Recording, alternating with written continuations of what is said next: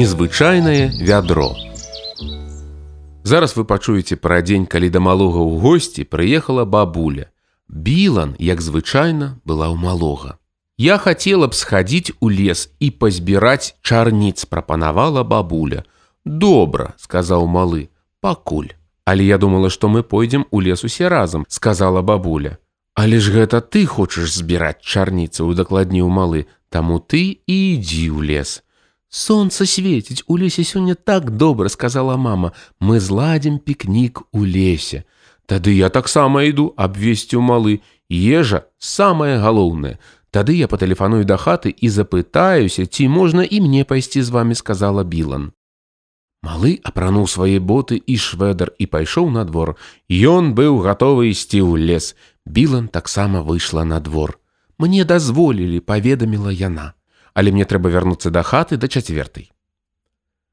Яны сталі чакаць. Мама збірала ежу і шукала ўсім вёдры на чарніцы. Бабуля ўзяла з сабой не толькі тую вопратку, што была на ёй, але і іншую, на выпадак, калі зменіцца надвор'е. Яна бегала па хаце і шукала свой дажджавік. Малы дзівіўся, колькі яму яшчэ чакаць. Ён зайшоў у хату, бабуля знайшла шведар і дажджавік, але яна ўсё адно нешта шукала.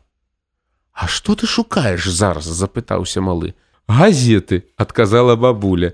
Хіба ты збіраешся чытаць у лесе газеты здзівіўся малы не я буду сядзець на іх калі стамлюся патлумачыла бабуля. Яна таксама взяла з сабой 10 розных торбачак на выпадак калі яна знойдзе брусніцы грыбы кветкі шышкі кавалкі карыды розныя іншыя рэчы якія яна заўсёды збірала ў лесе малы зноў вярнуўся на двор Яны з білан чакалі. Чакалі доўга, але нарэшце бабуля была гатова і выйшла на двор. Яна выглядала задаволенай. Ну цяпер я сабрала ўсё, што хацела, выгукнула яна, а ўсе астатнія ўжо гатовыя. Даўно усміхнуўся малы і падміргнуў. Ну добра, прамовіла бабуля. Чаго ж мы тады стаім, хадзем. Я пайду першым, сказаў малы. Я ведаю, дзе мы можам паесці. Паесці? здзівілася бабуля. У лес вяла вузкая сцежка. Малы ішоў наперадзе вялікімі крокамі, усе астатнія шыбавалі следам.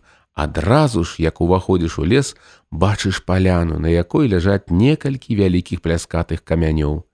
Яны становяцца цёплымі, калі на іх доўга свеціць сонца.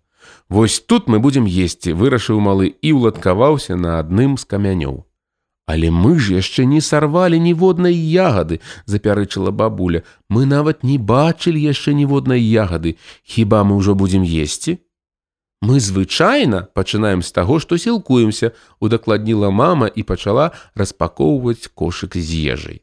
Яны пацілкаваліся, малы і білан елі вельмі доўга. Ім надта падабалася сядзець на цёплым камяні ў сонечных промнях, есці бутэрброды з каўбасой і піць сок разам з бабуляй і мамай. Але здавалася, што бабуля некуды спяшаецца. Яна ўвесь час круцілася і пазірала ва ўсе бакі, выглядала, быццам яна ўжо ішла кудысьці. Як толькі бабуля дапіла сваю каву, яна паднялася і пайшла. Ты куды? — закрычаў малы. Збіраць чарніцы, адказала бабуля. Я мяркую, што збіраць чарніцы вельмі весела. Калі бабуля знікла ў лесе, пачуўся трэск галінак. Білан таксама пайшла за мамай і пачала збіраць ягады. Яны размаўлялі. Білан назбірала шмат. Яна стала ўся сіняя. Пальцы і руки, каленкі, ногі і рот. Нават зубы ў яе сталі сінімі. Яны збіралі ўжо даволі доўга. Тады ў лесе нешта захрабусцела, адтуль выйшла бабуля. Білан зазірнула ў ейнае вядро. Бабуля назбірала больш ягад, чым мама разам з білан. Колькі ж вы назбіралі, здзівілася Білан, і вы зусім не сінія. У бабулі былі сінімі толькі тры пальцы. Малы не назбіраў нічога. Ён шнураваў адзін туды-сюды вузкай сцежкай, якая вяла ў лес. Малы гукнула бабуля, Чаму ты не ідзеш да нас, хадзі сюды, у лес. Там вельмі шмат галінак і камянёў адгукнуўся малы. Мне прасцей хадзіць тут. Але ж там няма чарніц закрычала бабуля. Нічога адказаў малы. Ён перакуліў вядро і надзеў яго сабе на галаву. Яно даходзіла яму да вачэй ён выцягнуў наперад руки Гэта не вядро на чарніцы, гэта незвычайнае вядро, вядро каб бегаць, сказаў ён і пабег. Ён бег па сцежцы і спяваў: Гэта не вядро на чарніцы, гэта незвычайнае вядро, Гэта не вядро на чарніцы, дзын дон дзын дон дзын. Яны пачулі, як песня знікла ў лесе. Дзын дон дзын дон дзын, Гэта незвычайнае вядро. Праз хвіліну песня зноў вярнулася назад. Гэта не вядро на чарніцы, гэта незвычайнае вядро. Малы прабег паўз іх з выцягнутымі наперад рукамі. Ён смяяўся. Білан падышла да мамы. Трымайце сваё вядро, сказала яна, я высыплю вам чарніцы. Яна перасыпала ўсе чарніцы ў вядро да мамы. Потым Білан перакуліла вядро і надзела яго сабе на галаву, выцягнула наперад руки і пабегла. Пачакай мяне, закрычала яна малому. Сцежкай бегаць было вельмі лёгка. Яны заспявалі разам. Мама і бабуля засмяяліся. Як смешна яны выглядаюць, смяялася мама. Можа быць і смешна пагадзілася бабуля, але згадзіся, што ў нас атрымалася дзіўная выправа ў чарніцы. Пачалі з таго, што пад'елі, а потым панадзявалі вёдры на чарніцы на галовы ды пабеглі. Гэта не вёдры на чарніцы выправіла мама. Так, я ведаю, упэўніла бабуля, гэта незвычайныя вёдры, каб бегаць. Увечары, калі малы пайшоў спаць, ён узяў маленькае вядзерца і паставіў яго перад мядзведзікам.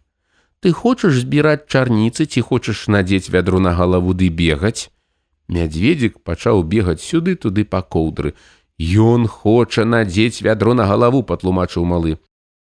Я заўважыла, сказала мама. Малы надзеў вядро мядзведзіку на галаву і мядзведзік пачаў бегаць па ложку. Ён спяваў: Это не вядро на чарніцы, это незвычайнае вядро, гэта не вядро на чарніцы, дзын-дон, дзын-дон, дзын. Мядзведзік бегае хутка, але не так далёка, як мы сказаў малы, ён больш не хоча бегаць. Ён зняў з мядзведзіка вядро, але мядзведзік скакаў уверх і ўніз і станавіўся на галаву. Ён не хоча здымаць вядро, патлумачыў малы. Ён хоча спаць вядром на галаве, калі раптам уначы ён прачнецца і захоча пабегаць. Раптам малы нешта прыдумаў: Паслухай, мама, пачаў ён, я хачу, не. Перапыніла мама, толькі не спаць вядром на галаве. Калі ты прачнешся ўначы і табе закарціць пабегаць, ты можаш пазычыць вядро ў мядзведзіка. Ты дасі мне вядро мядзведзік, запытаўся малы. Мядзведзік кіўнуў галавой. Мілы мой мядзведзік, абняў сябра малы.